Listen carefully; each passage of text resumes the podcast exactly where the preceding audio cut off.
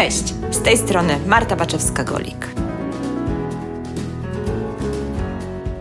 Rynek nieruchomości, biznes, inwestycje, czyli podcast Ruszamy Nieruchomości. Cześć. Witam Cię w kolejnym odcinku z cyklu Tajniki Deweloperki, jaki nagrywam z Tomaszem Stawiaszem. To jest już nasz trzeci odcinek z tej serii i jeżeli interesuje Cię inwestowanie w nowe projekty deweloperskie, to koniecznie posłuchaj odcinka numer 95, jak wybrać działkę pod małą deweloperkę oraz odcinka 101, drewniane czy murowane, jak budować.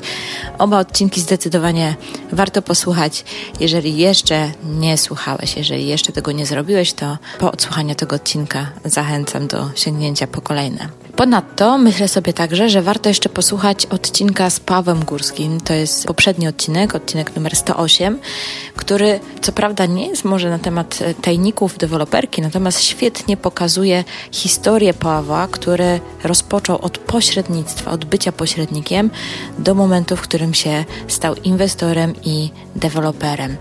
Paweł bardzo szczerze w tym odcinku opowiada o różnych wyzwaniach, z jakimi mierzył się, jak tworzył biuro nieruchomości, ale też z jakimi mierzy się teraz już na tej swojej inwestorskiej drodze. Także myślę, że jest to bardzo fajny odcinek, żeby Wam tak naświetlić, jak od kuchni wygląda to życie inwestorskie. Dzisiaj z kolei Tomasz opowie o tym, jak on minimalizuje ryzyko wchodząc w nowy projekt inwestycyjny, na co szczególnie zwraca uwagę, czego dopilnowuje i co sprawdza. Wspominałam też już w poprzednich odcinkach, że Tomek napisał e-book 7 grzechów początkujących deweloperów i możesz go pobrać ze strony bit.ly ukośnik 7 grzechów deweloperów. Oczywiście bez polskich znaków, tak? Czyli nie ma oskreską. Także bit.ly ukośnik 7 grzechów deweloperów. Oczywiście link do tego e-booka zostawię również na stronie, w opisie do tego odcinka, na stronie Ruszam Nieruchomości. A dodatkowo, jak szukasz dobrej inwestycji i chciałbyś ode mnie od czasu do czasu dostawać oferty takie inwestycyjne, zostaw swój e-mail na stronie bit.ly ukośnik oferty Ruszamy Nieruchomości i ten link również znajdziecie w notatkach do tego odcinka od czasu do czasu trafiają do mnie różnego rodzaju propozycje biznesowe i nie wszystkie nadają się na publiczne ogłoszenia. Dlatego też zdecydowałam się budować taką listę osób, które chciałyby od czasu do czasu dostawać ode mnie takie ogłoszenia, które nie są nigdzie publikowane, a być może Was zainteresują. Będą to różne ogłoszenia, różnych form e, współpracy biznesowo-inwestycyjnych, nazwijmy to, ale również obiektów różnego rodzaju, a czasem nawet sprzedaży biznesów, bo takie biznesy do mnie też trafiają i być może akurat poszukujesz czegoś, więc, więc dostaniesz ode mnie taką ofertę. Zapraszam do wysłuchania odcinka. Cześć Tomku. Witaj Marta. Już normalnie czuję się jakbyś był takim, wiesz, stałym bywalcem. Ja też się tak czuję, bo to czwarty czy piąty podcast, tak, który nagrywamy. Chyba czwarty, tak mi się wydaje. Aczkolwiek powiem szczerze, nie wiem, muszę to sprawdzić. I od razu tutaj może zapowiemy, że dla naszych wszystkich nowych słuchaczy, którzy słuchają po raz pierwszy podcastu Ruszam Nieruchomości i nie mieli okazji jeszcze zapoznać się z Tomaszem. Z Tomaszem nagrywamy cykl odcinków związanych z, z tematem deweloperskim i mówiliśmy już o tym, jak znaleźć e, odpowiednią działkę. E, mówiliśmy o budowie, o planowaniu inwestycji tak? Jak się do tego zabrać i jakie są też różnice między flipem a projektem deweloperskim. O tym mówiliśmy, jak się też po części zabezpieczyć. Więc, e, więc dzisiaj kontynuujemy temat i dzisiaj będziemy mówić o tym, jak zminimalizować ryzyko w takim projekcie inwestycyjnym związanym właśnie z budową domów czy też lokali mieszkalnych lub jakichkolwiek innych lokali. Także Tomku, ale dla tych, co nas jeszcze, co Ciebie jeszcze nie znają, jakbyś tak dosłownie w dwóch, trzech zdaniach się mógł przedstawić w takim telegraficznym skrócie. Okej, okay. ja nieruchomościami od 10 lat się zajmuję i prowadziłem biuro nieruchomości w Krakowie, prowadziłem firmę budowlaną. Biznes deweloperski właściwie poznawałem od kuchni, od strony wykonawstwa, z strony budów. Pracowałem też e, z deweloperem krakowskim, który zrobił 40 inwestycji i tam planowałem inwestycje, przygotowywałem. Teraz sam robię malutkie inwestycje, konsultuję, pomagam właśnie osobom, które chciałyby zacząć ten biznes, a nie wiedzą co dokładnie, jak zrobić, jak poukładać. Szkole generalnie przygotowałem Akademię Deweloperów, gdzie e, ludzie, którzy potrzebują poukładania wiedzy, czy już byli na jakimś szkoleniu, ale uważają, że to jest za mało, bo to jest tak olbrzymi teren y, i obszerny, że no nie sposób gdzieś tam w dwa dni się nauczyć. Nie sposób. Wszystkie warsztaty są fajne. Ja sama też wzięłam udział w jednych warsztatach które były mega merytoryczne i mega bardzo dobre, ale dwa dni e, w pigułce to jest jednak trochę mało i fajnie jest mieć po prostu takie wsparcie też, bo tym bardziej, że ta Twoja akademia e, będzie trwała przez cały rok, więc można naprawdę w tym czasie sporo rzeczy zrobić i mieć cały czas wsparcie, także naprawdę super projekt z tą akademią. Ale powiedz, bo tutaj jeszcze zanim włączyliśmy nagrywanie, to sobie tak swobodnie rozmawialiśmy przez jakieś jedyne 40 minut. Dokładnie.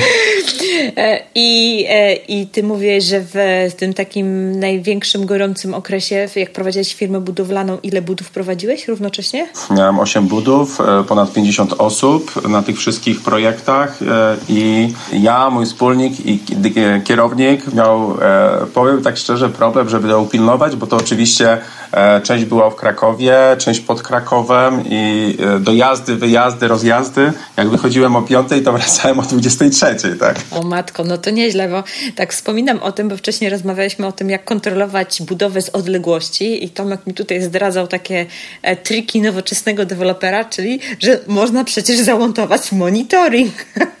Oczywiście. No, teraz mam mały projekt pod Wrocławiem, drugi w Krakowie projektujemy. Czekam na WZ pod Warszawą.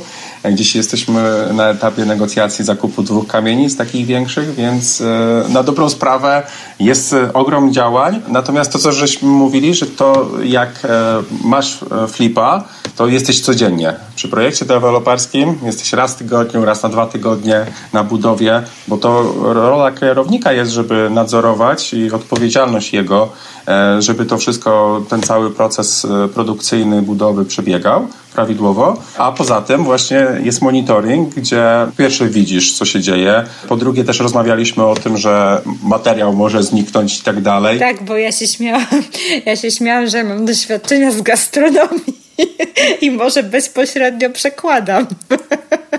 Bo naprawdę w gastronomii te, te znikające produkty są w ilościach zatrważających. No, każdy ma swoje doświadczenie i każdy ocenia według swój, swojego pryzmatu, tak? Ty miałaś gastronomię, ja prowadziłem kilka różnych biznesów i, i zazwyczaj e, one były sfokusowane e, w, w obszarze kraju i tak bardziej ogólnopolsko. E, w związku z tym ja wiem, że dla mnie nie ma problemu raz, żeby gdzieś tam pojechać i skontrolować. Zresztą uwielbiam podróżować, jeździć samochodem i znajomi mówią, że powinienem kierowcą rajdowym zostać zostać. Może to tam w przyszłości. Natomiast e, prawda jest taka, że są rzeczy, które e, trzeba być, tak? Czy to jechać do notariusza na akty notarialne, czy podpisywać umowy z bankami, z e, firmami wykonawczymi, to trzeba być, oczywiście. Ale tu się nie pilnuje i właściwie nie dzieje się tak szybko i tak szybko się zmienia, że proces budowy nawet małego osiedla, tam sześciu bliźniaków, on trwa 18 miesięcy przykładowo, tak? A nie tak jak flip, e, który trwa 3 tygodnie, czy tam 8 e, tygodni, gdzie się codziennie praktycznie coś dzieje, czy jakieś zaskakujące rzeczy. No przy projekcie deweloperskim tak nie jest, tak? No właśnie tak sobie rozmawialiśmy o tym, że e, nie można tego przyrównać bezpośrednio do inwestycji fliperskich, bo jednak to jest zupełnie inaczej i faktycznie no ja też mam na swoim koncie jakieś e, flipy i faktycznie jest taka chęć kontroli wszystkiego i dopilnowania wszystkiego, no bo faktycznie jak robisz remont, E, w mieszkaniu i masz tam taką mini budowę w tym, w tym mieszkaniu, no to faktycznie trzeba pilnować tych pracowników, tych robotników. Nie, nie da rady inaczej. I właśnie Tomek zdradził mi tą tajemnicę, że, że notorycznie się spotyka z takim podejściem z osobami, które robiły flipy i teraz chcą zacząć budować, tak jakby no, pójść krok dalej i rozwinąć się w tym temacie, no to chcą te swoje doświadczenia z tych e, mini budów, czyli z tych remontów przerzucać na e, budowę deweloperską, a to tak nie funkcjonuje, więc powiedz, jak to funkcjonuje. Tak, e, tutaj jeżeli mamy mówić o zminimalizowaniu ryzyka i ostatnio na budowie miałem taką sytuację, że praktycznie mieliśmy podpisaną umowę z wykonawcą i on sobie zerwał wiązadła kolanowe, czeka teraz na operację i mówi nie wykonam wam tej budowy. No to jest ten czynnik ludzki, prawda? Tak. Ja mam zazwyczaj dwie, trzy ekipy, y, które mi składają ofertę, które mogą to zrobić i sprawdzam to. Czyli w przypadku małych procesów budowlanych, kilku domów na przykład budowy, to jest bardzo fajne, jak na przykład y, y, właściciel firmy ma tam pięciu czy tam siedmiu swoich ludzi i on z nimi pracuje. Bo wtedy on po pierwsze dba o to, żeby w miarę terminowo to było, o staranność wykonania. To jest świetny model i świetne rozwiązanie, jeżeli chodzi o e, wykonawcę. Właściciel prowadząc taki biznes jest odpowiedzialny i chce, żeby nie mieć e, reklamacji, tak, i żeby to wszystko było bardzo dobrze wykonane. No i tutaj e, generalnie to już się minimalizuje pewne ryzyko związane później z rękojmiami, z jakimiś usterkami. To jest ważna kwestia. Gdzieś tam kolejna kwestia odnośnie bezpieczeństwa, to co rozmawialiśmy odnośnie materiału, że coś może zginąć. Po pierwsze, ja każdą budowę ubezpieczam. To jest od odpowiedzialności cywilnej, gdyby jakiś pracownik sobie coś zrobił, od kradzieży, od y, właśnie zniszczeń i wielu innych aspektów, bo jednak mamy tutaj sprzęt ciężki, e, mogą się wydarzyć różne rzeczy, więc y, ubezpieczenie nas chroni w jakimś tam stopniu. Firma budowlana tak samo ma swoją polisę, która e, też zabezpiecza. Zresztą jeżeli my finansujemy, używamy dźwigni, dłużni i y, mamy kredyt inwestycyjny w banku, no to bank też wymaga e, odpowiedniego ubezpieczenia y, i to jest koszt powiedzmy dwóch czy tam pięciu tysięcy złotych w zależności od e, skali inwestycji, ale to powoduje, że y, minimalizujemy ryzyko i generalnie e, możemy być bezpieczni, tak? Ja też sobie nie wyobrażam, pamiętam 4 lata temu nie korzystałem na stale z prawnika i popełniłem błędy, między innymi, żeby szybko podpisywałem umowy, czy tam nie analizowałem, nikt tego nie sprawdzał. Ja sobie teraz nie wyobrażam w tym momencie, że nie korzystam na stale z prawnika, żeby on zabezpieczył moje interesy. E, czyli odpowiednia umowa z wykonawcą, czy odpowiednie umowy z e, klientami, którzy zakupują dane nieruchomości. To jest kluczowe, tak? I, i to samo mm, korzystanie z e, eksperta, który jest nam w stanie podpowiedzieć, czy skalkulować inwestycje, czy jak zaczynamy, żeby ktoś mógł prowadzić po prostu za rękę, tak? I to też po części stworzyłem akademię, że jak ktoś zaczyna projekt deweloperski, to on z nami przejdzie przez cały projekt i y, pozna model działania e, nie tylko mój, bo to są kilku, e, kilkunastu deweloperów, którzy w rynek funkcjon tak funkcjonuje i tak działa. Ja uważam, że jak robisz projekt za 5 milionów i wydasz 10 czy 20 tysięcy na konsultacje, to to jest promil porównaniu do całej inwestycji, a powoduje, że nie masz e, kar, czy tam później wielomilionowych długów, bo no fajnie można zarobić miliony, ale również te miliony można stracić, tak? Tak, to jest, e, ten kij ma dwa końce. Jak wszystko, prawda jest taka. A powiedz mi Tomku, z twojego doświadczenia, gdzie czyha ryzyko? Co jest naprawdę takie mega istotne, żeby od samego początku zabezpieczyć, bo jak tego nie zrobimy, to wcześniej czy później się to nam odbije czkawką. To też dostaję zapytanie pytanie, jaką formę działalności gospodarczej wybrać, tak? E, bo znam takich... Czyli w ogóle wybór formy tak, prawnej. Tak. Pod daną inwestycję. No dobrze, Zgadza to porozmawiamy się. o tym. Tak, znam takich e, ryzykantów, bym powiedział, którzy robią na jednoosobowej działalności gospodarczej. Też znam, e... też znam. E, zresztą, e, zresztą chyba nawet, dobra, nie będziemy wymieniać tutaj w podcaście imion. Znamy tą osobę obie. I to całkiem spory projekt. Tak, ja uważam, że to jest niebezpieczne, tak, bo przy budowlance e, mamy po pierwsze czynnik ludzki. O ile ty jesteś ok i ty wszystko dobrze robisz, nie znaczy, że Na przykład ktoś z ekipy budowlanej to zrobi, tak? Czy wykona, czy e, no są takie ryzyka, które są z tym związane i e, no dobra, e, wybudowanie krzywej ściany, ok, jak kierownik to skontroluje, mogą ją zburzyć i postawić na nowo, ale zrobienie złego generalnie stropu już powoduje, że może dojść do tragedii. Teraz konstruktorzy, jak był, nie wiem czy pamiętasz ten wypadek na Śląsku z halą, że się zawalił, cała hala się zawaliła, to konstruktorzy przesadzają ze zbrojeniem. E, I to naprawdę robią nieraz dwa, trzy razy więcej niż powinno być, że śmieję się nieraz z wykonawcami, że nie ma tutaj gdzie betonu zalać, tak? bo tyle jest stali. I jest to dobre e, i e, generalnie no, oni ręczą też swoimi podpisami i swoją odpowiedzialnością. Natomiast tutaj, jeżeli chodzi o zminimalizowanie ryzyka, czy o strukturę, no to ja sobie nie wyobrażam, żeby robić jakiekolwiek inwestycje inwestycję deweloperską, która, nie wiem, jest na 2 miliony, na 5-10 milionów, bez spółki ZO, spółki komandytowej. Po pierwsze, to jest taka struktura, że pod kątem podatkowym jest to bardzo dobre. Po drugie, banki tą strukturę bardzo dobrze rozumieją i taka spółka celowa e, nie ma problemu, żeby otrzymała kredyt. A powiedzmy może, czym się w ogóle różni spółka, spółka komandytowa od samej spółki ZO lub od samej spółki komandytowej? Może zacznijmy od tego. Już mówię, tak. E, spółka ZO, no to jak wiemy, jest tam powiedzmy dwóch udziałowców i jest e, generalnie zarząd, który za to odpowiada, czy tam prezes. Natomiast w spółce ZO, spółce komandytowej e, występuje generalnie spółka ZO, która ma odpowiedzialność ograniczoną i jest komandytariusz, czyli inwestor, który wnosi, nie wiem, grunt, który wnosi finanse i to przy, przy dużych projektach deweloperskich gdzie y, mamy inwestora finansowego, gdzie architekt jest, czy gdzie generalnie jest y, jakiś jeszcze inny podmiot, który wnosi pewne, pewne rzeczy do spółki, to powoduje y, bardzo czyste, przejrzyste rozliczenia i bezpieczeństwo bezpieczeństwo nasze przede wszystkim, tak? Bo mój znajomy miał taką sytuację, że miał wypadek na budowie i po pięciu latach rodzina wystąpiła o odszkodowanie Niestety w Polsce jest tak, że jak się idzie do sądu, jesteś deweloperem, to sąd mówi, jesteś deweloperem, więc masz kasę. Więc zapłać 700 tysięcy odszkodowania, tak? I przykładowo na projekcie masz zarobione milion złotych, a e, po pięciu czy sześciu latach musisz wypłacić odszkodowanie 700 tysięcy złotych, tak?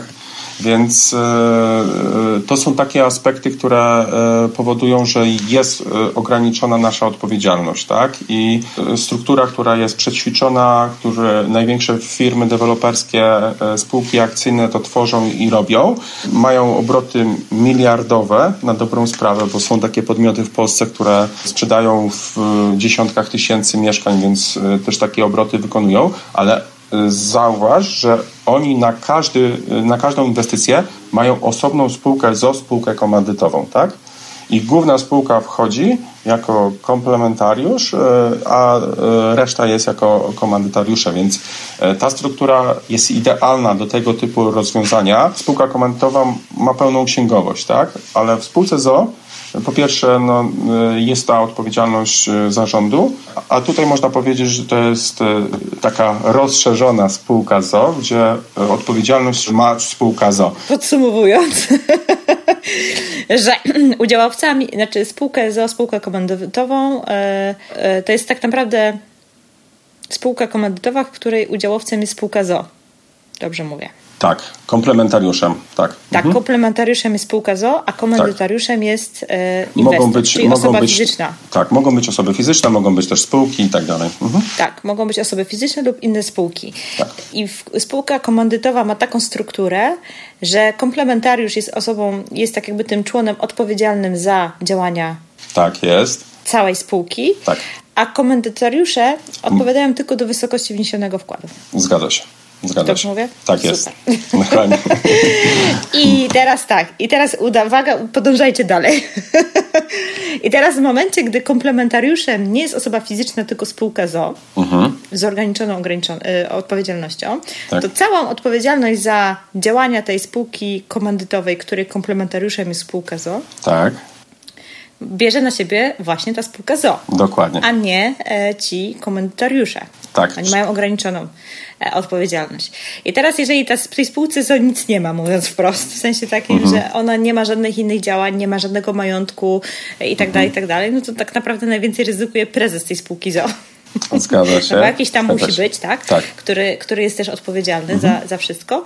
Więc, y, ale no faktycznie ta, ta, y, to ściąganie ewentualnych należności jest bardzo mocno ograniczone w tym momencie, tak? Czyli Zgadza ta się. odpowiedzialność jest po prostu oparta o podmiot, który nie ma majątku, a nie o twój osobisty podmiot. I to jest ta Tak, podstawowa różnica. tak.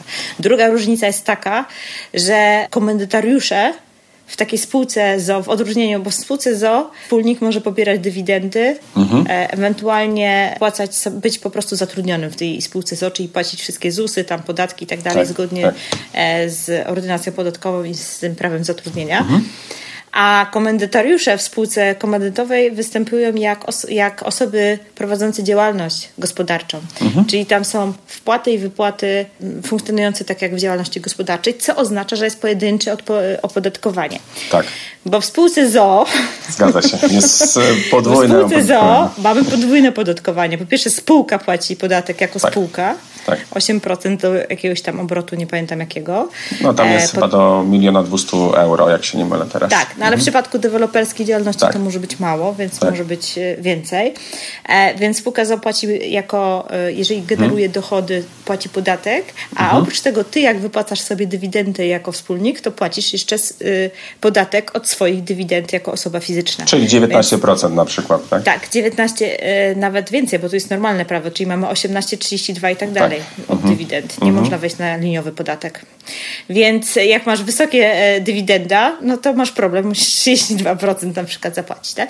Więc mówiąc tak już, że tak powiem, skracając tą historię, w spółce ZO wyjmowanie pieniędzy jest utrudnione, a w spółce komandytowej wypłacasz sobie jak, no, oczywiście płacisz, e, możesz być wtedy na podatku liniowym 19%, płacisz ten podatek dochodowy, ale spółka komandytowa już nie ma podatku, Podatku. tego CIT-u.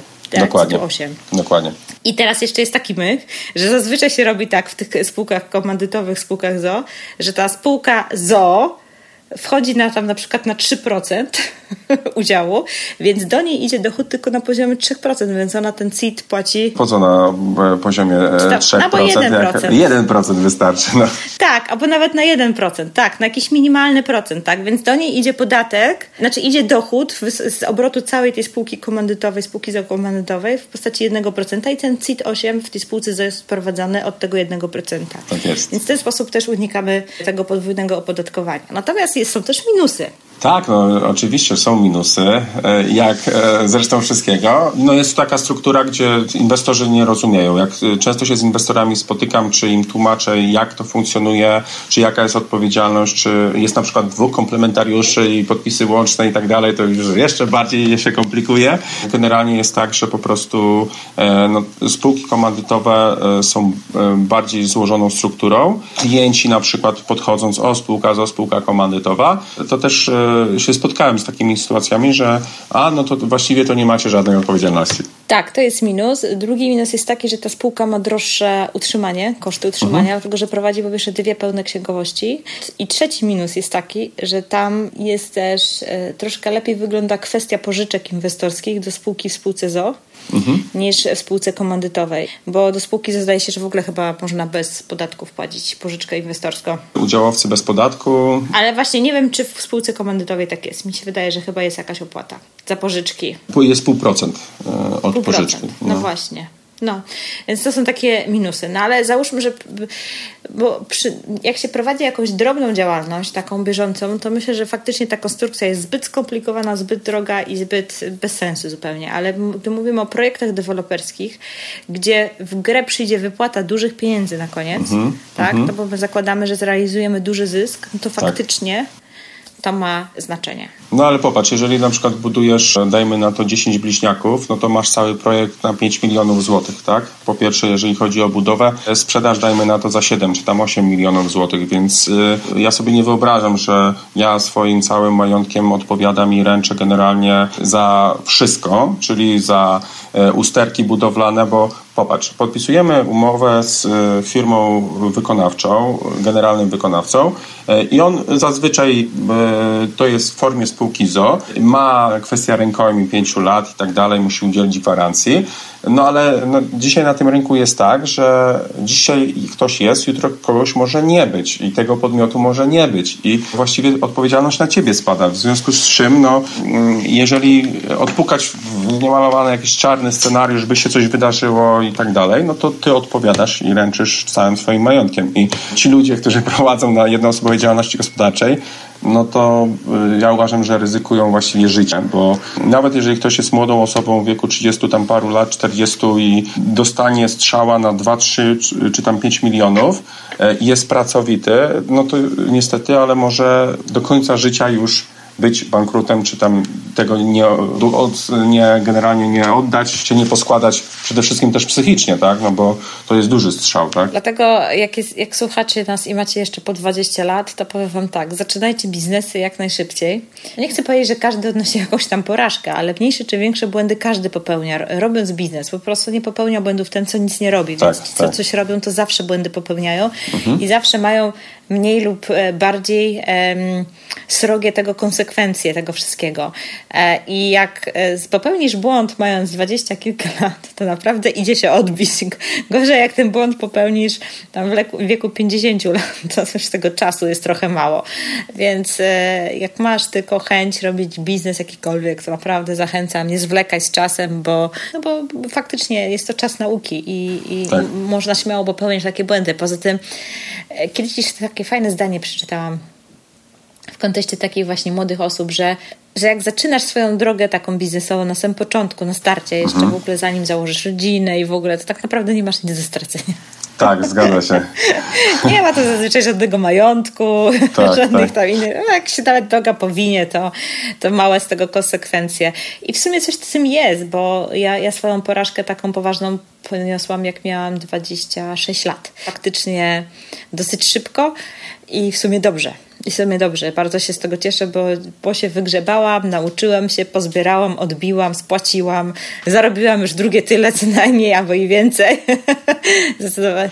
Słuchaj, e, zdobywanie doświadczenia, co nasze życie polega na tym, żeby się uczyć cały czas i, i zdobywać doświadczenie jest bezcenne, tak? I te lekcje, które nam życie przynosi, czy sytuacje, z których musimy wyjść, a też tak słyszałem, że dostajemy takie problemy, jak, z jakimi w stanie jesteśmy sobie poradzić i je rozwiązać. No, większych nie dostajemy. Tak. I z tego się trzymajmy, i tego się trzymajmy. Także e, podsumowując może e, tą naszą rozmowę, bo tak trochę zboczyliśmy z tematu, ale wszystko się ze sobą wiąże, bo na pewno słuchają nas osoby, które gdzieś tam myślą sobie, o kurczę, fajnie byłoby, fajnie byłoby zainwestować, fajnie byłoby budować, wow, fajnie było być deweloperem, ale to jest dla mnie takie niedostępne. A jednak e, ja sobie tak myślę, że jeżeli masz na swoim koncie jakieś doświadczenie biznesowe, być może faktycznie, jeżeli dopiero zaczynasz swoją karierę i, i zupełnie nie masz żadnych doświadczeń biznesowych, to być może faktycznie nie jest dobrym pomysłem zabierać się od razu za deweloperkę. E, lepiej zacząć od jakichś takich bezpieczniejszych strategii, e, mniej skomplikowanych przede wszystkim, bo jednak deweloperka wymaga wiedzy i prawnej, i biznesowej, i, i, i naprawdę takich bardzo technicznych też jakichś e, wiedzy. No, oczywiście wszystkiego nie musisz mieć od razu, wszystkich tych zdolności, doświadczeń. Możesz się uzupełniać po drodze, natomiast jeżeli zupełnie nie masz żadnego doświadczenia, no to myślę, że to nie jest najlepszy pomysł wejść od razu w deweloperkę. Przynajmniej takie jest moje zdanie, nie wiem jakie jest twoje. Ja bynajmniej widzę tak e, też po sobie, bo e, zrobiłem kilkanaście flipów, e, czyli tam dzieliłem e, bliźniaka i tak dalej na mieszkania. Prowadziłem firmę budowlaną i e, od kuchni zobaczyłem, jak ten proces wygląda, w jaki sposób planować te inwestycje i jak mając 200, 500 czy tam milion złotych można zacząć pierwsze projekty deweloperskie. To też to, co mówisz, że ja uważam, że e, osoba, która e, zrobiła już coś na tym rynku e, i chce się rozwijać, to ona bardzo łatwo i szybko może przeskoczyć tak? i się skalować. Wczoraj też do mnie zadzwonił taki mój znajomy i Kamil mówi, słuchaj, wiesz co, no byliśmy tutaj, taką, tą działkę oglądaliśmy i wiesz co, my ją kupimy. Chcemy, żebyś konsultował ten projekt nasz deweloperski, bo wiemy, że jesteś dobry i wiemy, że dzięki tobie unikniemy pewnych błędów. Ja mówię, no to super, tak? Jego wspólnik wraca teraz e, z urlopu i poniedzieli mamy się spotkać, e, poustalać, e, bo prawda jest taka, że jeżeli ktoś podpowie, poprowadzi za rękę i oni zrobili już tam kurczę, no 60 mieszkań. I współpracują z deweloperami i właściwie z dział sprzedaży prowadzą, taki nieoficjalny, no to on widzi, że okej, okay, dobra, to mogę być też z drugiej strony, być jako inwestor, być jako deweloper i budować i znam proces sprzedaży, a w deweloperce, jeżeli dobierzemy odpowiedni produkt, czy odpowiednią strukturę do, w danym bloku mieszkań, to automatycznie e, jesteśmy w stanie e, go dobrze, fajnie sprzedać i jak tą sprzedaż mamy opanowaną i wiemy, co chcemy uzyskać od końca idąc, to uważam, że każde przedsięwzięcie deweloperskie zakończy się sukcesem. Oczywiście po drodze jest kilka różnych rzeczy, na które trzeba zwrócić uwagę, dobrać odpowiednią strukturę, projekt, e, ekipę budowlaną, odpowiedniego kierownika, który będzie to nadzorował. Ja powiem tak szczerze, ja nie jestem alfą omegą, na wielu rzeczach się nie znam, ale za to mam ludzi, którzy się znają i ja za to im płacę, e, żeby oni to czuwali, nadzorowali, a dzięki temu, że mam też bardzo dobrego prawnika, który mi przygotowuje umowy dla nich i e, ogarnia kwestie prawne, to powiem tak szczerze, że nie mam dużego ryzyka i to też jest moje doświadczenie, które ja też gdzieś tam zaliczyłem upadek, e, się podniosłem, pozbierałem. Mam trochę siwych włosów, niektórzy mi dają 40 czy 40 parę lat, o tyle nie mam i to powoduje, że podchodzę spokojnie do pewnych rzeczy. I mimo, że to jest projekt, nie wiem, za 5 milionów czy za 10 milionów, to są liczby, a poza tym ja się kieruję tym, żeby był świetny, funkcjonalny produkt dla moich klientów. Czyli dom, który buduję, żeby on był y, funkcjonalny i dobry. Ktoś się pyta, kurczę, to jest tylko 80 metrów. Ja mówię, jaką masz rodzinę? A to mówi, no jedno dziecko, może drugie się pojawi. No to po co wam więcej?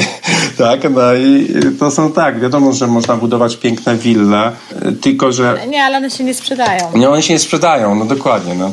Myślę, że w ogóle idziemy w, w, trend takiej minimalizacji potrzeb e, i to widać.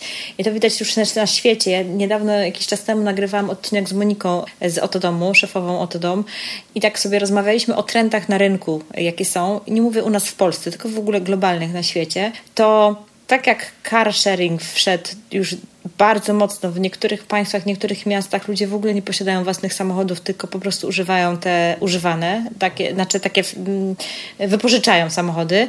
Tak samo wchodzi bardzo mocno to dzielenie e, mieszkań, ale nie w sensie, że na pokoje, tylko w sensie, że udzielam komuś na przykład pokoju i gdzieś tam się wymieniam. I nawet jest taki projekt, ja teraz wyleciała mi z głowy nazwa, ale jest już jakiś taki startup, w którym oni zajmują się kupowaniem nieruchomości, robią z tego tak jakby takie flipy, ale w tych, w tych y, nieruchomościach y, wydzielają osobny pokój, w którym możesz wynajmować port Airbnb. I teraz, y, jeżeli dasz im w zarządzanie, no to masz z tego dodatkowe jakieś tam korzyści i tak dalej. Więc oni w ogóle te mieszkania już przygotowują tak, żeby była wydzielona jakby część do wynajmowania dla turystów, nie? To w ogóle już jest coś zupełnie, jakiś zupełnie nowy koncept. U nas jeszcze tego nie ma, tak? Ale to w ogóle jest fajny pomysł, nie? Marta, to jest, to jest koncept, który się nazywa co-living, który polega właśnie na tym, że właściwie mieszkasz e, gdziekolwiek chcesz, e, jedziesz na tydzień, jedziesz na miesiąc, podoba ci się, zostajesz na pół roku, na rok e, i młodzi ludzie, pokolenie, nie wiem już YZ, czy jak ich nazwać, czy milenialsi, to oni nie potrzebują i nie mają przywiązania do miejsca. I to powoduje, że mogą wszędzie pracować. Jadę ostatnio Uberem, już tak zakończąc, kończąc futurystycznie, ale jadę ostatnio Uberem u mnie tutaj w Gdańsku. Wsiadam do Ubera i chłopaczek pyta się mnie, czy dobrze jedzie. Ja mówię, a co, nie jesteś z Gdańska? Bo to uwaga, Polak był, nie był Ukrainiec, bo jak jest Ukrainiec albo Rosjanin, albo jakaś tam inna narodowość, to od razu wiadomo, że nie jest z Gdańska, nie? E, więc był Polak, więc, więc mówi, nie, dopiero wczoraj przyjechałam. Mówię, a co przeprowadza? Zgadzasz się? A on mówi, nie, wiesz, tak sobie z kolegami na miesiąc przyjechaliśmy z Lublina do Gdańska, więc się tak logujemy w ciągu dnia, bo trzeba zarobić na imprezę, nie? Sobie myślę, ja ciesz, to jest zupełnie inny mental. No Marta, w Uberze są chyba tygodniówki z tego, co się nie mylę, więc no dobrą sprawę to dla nich nie ma problemu, żeby mieszkać w Trójmieście. Idąc dalej, nie ma problemu, żeby jechać do Londynu, czy tam e, do Rzymu, czy w ogóle do Ameryki. I tak? oni nie mają potrzeby posiadania. Tak tak, tak. To już się zaczyna zmieniać. Oczywiście to jeszcze minie trochę lat, ale to się zaczyna zmieniać i trzeba o tym pamiętać. I w sumie w, koncepcji, w koncepcjach naszych deweloperskich może warto to też uwzględnić. Ja właśnie minimalizując ryzyko, e, staram się przygotować e, takie produkty, które z jednej strony są minimalistyczne, z drugiej strony wiem, że bardzo szybko je sprzedam. I teraz na jednym osiedlu e, właściwie zaczynamy budowę, a już mamy 30% sprzedane. I to powoduje, że to, ja podchodzę spokojnie do tego rynku, bo widzę, co się na przestrzeni lat wydarzyło, co się dzieje, ale też e, no, moje doświadczenie Uważam, że spokój, opanowanie powoduje, że jak przychodzą jakieś e, cięższe dni, czy jakieś wyzwania, problemy, jest człowiek sobie spokojnie w stanie poradzić. Tak? E, minimalizowanie ryzyka. Niektórzy medytują codziennie. Mój znajomy, który jest dużym deweloperem tu w Warszawie, on nie wyobraża sobie że przez pół godziny nie medytuje codziennie, mówi, że jak nie ma czasu na to, to ten dzień jest zupełnie inny. Tak? Ale ja się z nim zupełnie zgadzam, bo też tak robię. Więc absolutnie potwierdzam, że to działa. Medytacja jest świetna. Też zaczynam dzień o 6.30 od medytacji. To jest, mój, to jest mój początek dnia. Pół godziny do siódmej. O siódmej wstaję, jest ok. Można działać. No dobra, słuchaj, Tomek, to myślę, że chyba powiedzieliśmy o wszystkich aspektach minimalizacji ryzyka, ale może jakoś to spróbujmy, bo mm, parę nam się wątków pobocznych e, wdało, ale mam nadzieję, że one urozmaicą e, ten odcinek, mm, więc spróbujmy to jakoś podsumować. Tak jest. E, no to przede wszystkim minimalizacja ryzyka w przypadku ekipy to są dwie, trzy oferty i sprawdzenie ich referencji. Ja zazwyczaj jak z kimś podpisuję umowę, jadę na ich budowę i sprawdzam, więc już widzę, czy są rzetelni, kompetentni, też rozmawiam z inwestorami, u których pracowali. Kolejny aspekt jest taki, że e, w przypadku już budowy to staram się robić monitoring odpowiednich ludzi, odpowiednie umowy. A czy kontraktujesz jakoś wcześniej na przykład produkty, bo te, znaczy produkty, materiały budowlane? Bo też, e, też jest tak, że te ceny cały czas rosną tych materiałów budowlanych. Czy w jakiś sposób sobie zaklepujesz, nie wiem, na przykład ilość stali albo ilość pustaków na daną budowę? Tak, kontraktuję to y, też właśnie y, mam tam y, dwie duże hurtownie ogólnobudowlane, ogólnopolskie, z którymi współpracuję i ja wiem, że współpraca, którą nawiązaliśmy 2-3 lata temu, ona owocuje teraz i jestem ich ciekawym, dobrym klientem i traktują mnie lepiej. Zawsze można dostać jakieś rabaty i materiał jak mam do 48 godzin maksymalnie, tak? Więc to też kontraktuję, podpisuję podpisujemy umowy inwestycyjne na dane inwestycje. W kalkulacji uwzględniam to, że na przykład e, może coś zginąć z budowy, e, tak, ale e, no są, są takie rzeczy, które, których nie jesteśmy w stanie przewidzieć i na które mieć wpływ, tak? A czy zdarzyło ci się, tam mówiłeś, że ci się zdarzyło tak jak z tym kierownikiem budowy, co sobie zerwał e, więzadła, ale czy miałeś taką w ogóle jakąś e, sytuację tragiczną, że ci się zwinęła ekipa i po prostu powiedziała sorry, batory, ale nie dokończymy? Wiesz co, y, ja takich sytuacji nie miałem. Mój wspólnik, mój mentor to przerabiał, że w ogóle tam to się mu wysypała ekipa i on musiał wszystkich podwykonawców pozbierać i sam dokończyć inwestycje, więc dodatkowy stres i tak dalej, tam to w ogóle y, bank zagroził im wypowiedzenie umowy inwestycyjnej, więc śmieję się, że na tej budowie przerobił wszystko, co mógł przerobić. Myślisz, że się da jakoś przed tym zabezpieczyć? E, nie, bo to jest czynnik ludzki. W przypadku budowlanki e, wiele rzeczy jesteśmy w stanie przewidzieć, czy tam się ubezpieczyć, ale e, są takie sytuacje, że czy to wypadki, czy to jakieś rodzinne sytuacje, których nie jesteś w stanie przewidzieć. A przykładowo, jak na budowie masz 20 osób czy 50 osób, no to nie ma takiej fizycznej możliwości, żeby było wszystko ok. O, powiem tak. Zawsze się coś Czyli dzieje. Wyzwania muszą być. Tak jest, tak jest. Wkalkulowane w ten biznes. Tak jest, dokładnie. No i e, tutaj jeszcze kwestia minimalizacji ryzyka to oczywiście ubezpieczenie e, budowy e, i odpowiednia struktura prawna, więc to są takie, takie 4-5 aspektów bardzo kluczowych. No i dobry prawnik. Naprawdę, słuchajcie, nie żałujcie na dobrego prawnika. Niech wam nie przyjdzie pomysł do głowy, żeby ściągnąć z internetu wzór umowy spółki. Marta, weź mi nawet nie mów. Ostatnio jeden klient do mnie przyszedł, który też zaczyna pierwszą swoją inwestycję deweloperską i jego inwestor mu po prostu umowę spółki komandytowej na kolanie e, pisaną wysłał. Ja mówię, Wiesz co, ta, ta umowa po pierwsze w żaden sposób cię nie zabezpiecza, nie zabezpiecza. Jego zresztą też. E, a druga kwestia jest taka, że e, umo moja umowa ma tam 12 stron, jeszcze jest dodatkowa umowa, która ma kolejne tam 10 stron e, i suma summarum to jest po prostu taki komplet dokumentów, które raz, że wszystko przewiduje i generalnie zabezpiecza.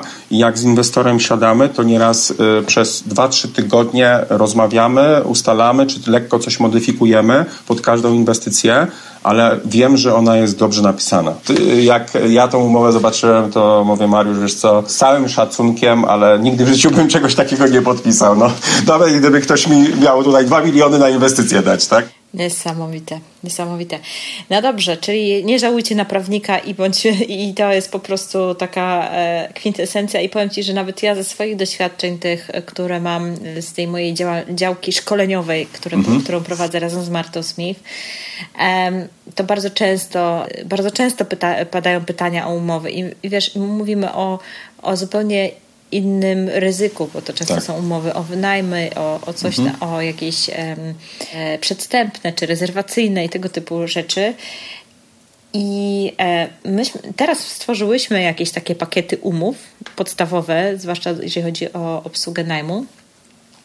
Ale na początku naszej e, działalności, no to mówiłyśmy, że e, słuchaj, no mm, trzeba iść do prawnika. I gdzieś tam trochę, trochę e, ten rynek nas zmusił do tego, że jednak stworzyłyśmy jakieś wzory, ale też oczywiście robiła to moja prawniczka. Natomiast do tej pory tak naprawdę teraz faktycznie sama korzystam z tych wzorów, bo one są ok. Jak coś tam wynajmuję, podnajmuję, czy cokolwiek robię. Natomiast, natomiast wcześniej każdą umowę przygotowywałam indywidualnie. Nie było tak, tak, że ja po prostu brałam jakiś skrypt umowy, nie wiem, tak. jakiś wzór i, i coś tam. Dla mnie to było oczywiste, że najpierw dogaduję warunki z mhm. człowiekiem, mhm z drugą stroną. Potem spisuję te warunki w mailach, wysyłam do mojej prawniczki i mówię, sorry Asia, ale jest robota do zrobienia, trzeba umowę napisać. Oczywiście, nie? oczywiście. Pod tak. tym kątem. Więc, e, więc e, można oczywiście się posiłkować jakimiś wzorami, ale e, przy takich prostszych tematach, jednak przy takich rzeczach, jak chcecie wejść rynek, na rynek deweloperski, to faktycznie dobry prawnik jest niezbędny. Dokładnie, dokładnie. Zgadza się. Tomek, wielkie dzięki za ja kolejny odcinek. E, mam nadzieję, że, że dla Was e, będzie on kolejną dawką wiedzy. E, że w jakiś sposób Wam się troszkę poukładały e, te sposoby i, i te punkty, które na pewno musicie odhaczyć ze swojej listy to do, jeżeli chcecie się wziąć za projekty deweloperskie. Z naszej strony pewnie na dzisiaj to wszystko. W notatkach zamieszczę link do Twojego e-booka, Jasne. którego możecie pobrać, pobrać, bo Tomek stworzył takiego fajnego e-booka 7 grzechów. Mhm. Początkujących deweloperów. Początkujących deweloperów, właśnie. 7 grzechów początkujących deweloperów, także można tego e-booka e, pobrać, także zamieszczę link do notatka do tego odcinka, skąd będzie można to sobie pobrać. Na początku proponowałam, żebyście przesłali mi maila, ale to był zły pomysł, bo znam taką ilość maili, że po prostu nic innego bym nie robiła w ciągu dnia, tylko odsyłała wam maile, więc teraz lepiej, już to zautomatyzowałam, można kliknąć w link i sobie pobrać ten e-book. Nie ma żadnego problemu. Mm. I co? Pewnie za jakiś czas znowu się spotkamy i coś nagramy wspólnego. Jak najbardziej. Tak, jak macie jakieś pytania, to ja jestem dostępny. Tak, a może macie jakieś w ogóle sugestie z zakresu tej tematyki deweloperskiej, e, jakiś temat, który chcielibyście, żebyśmy jeszcze omówili, coś, e, co, co pytania, czy jakieś zagadnienia, które Was nurtują, związane mhm. właśnie z tematem deweloperskim, albo może w ogóle prześlijcie e, swoje pytania. Może to jest w ogóle fajny pomysł. O, na tak następny tak odcinek. Żebyśmy na przykład odpowiedzieli, nie wiem, na 10 pytań, których przyniesie, prześlecie, albo 15, zobaczymy, czy będą długie, czy krótkie. I mógłby być taki odcinek e, z odpowiedziami na Wasze pytania. Także słuchajcie, jak macie pytania dotyczące deweloperki, to ślijcie i myślę, że to jest fajny pomysł. Nagramy kolejny odcinek e, właśnie z odpowiedziami na te Wasze pytania. Myślę, że to jest dobry jak pomysł. Bardzo dobry pomysł, tak. Jestem no to za. super.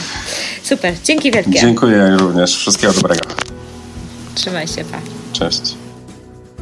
Czy da się całkowicie uniknąć ryzyka? Z pewnością nie. Jednak ważne jest, aby każdą inwestycję przygotować.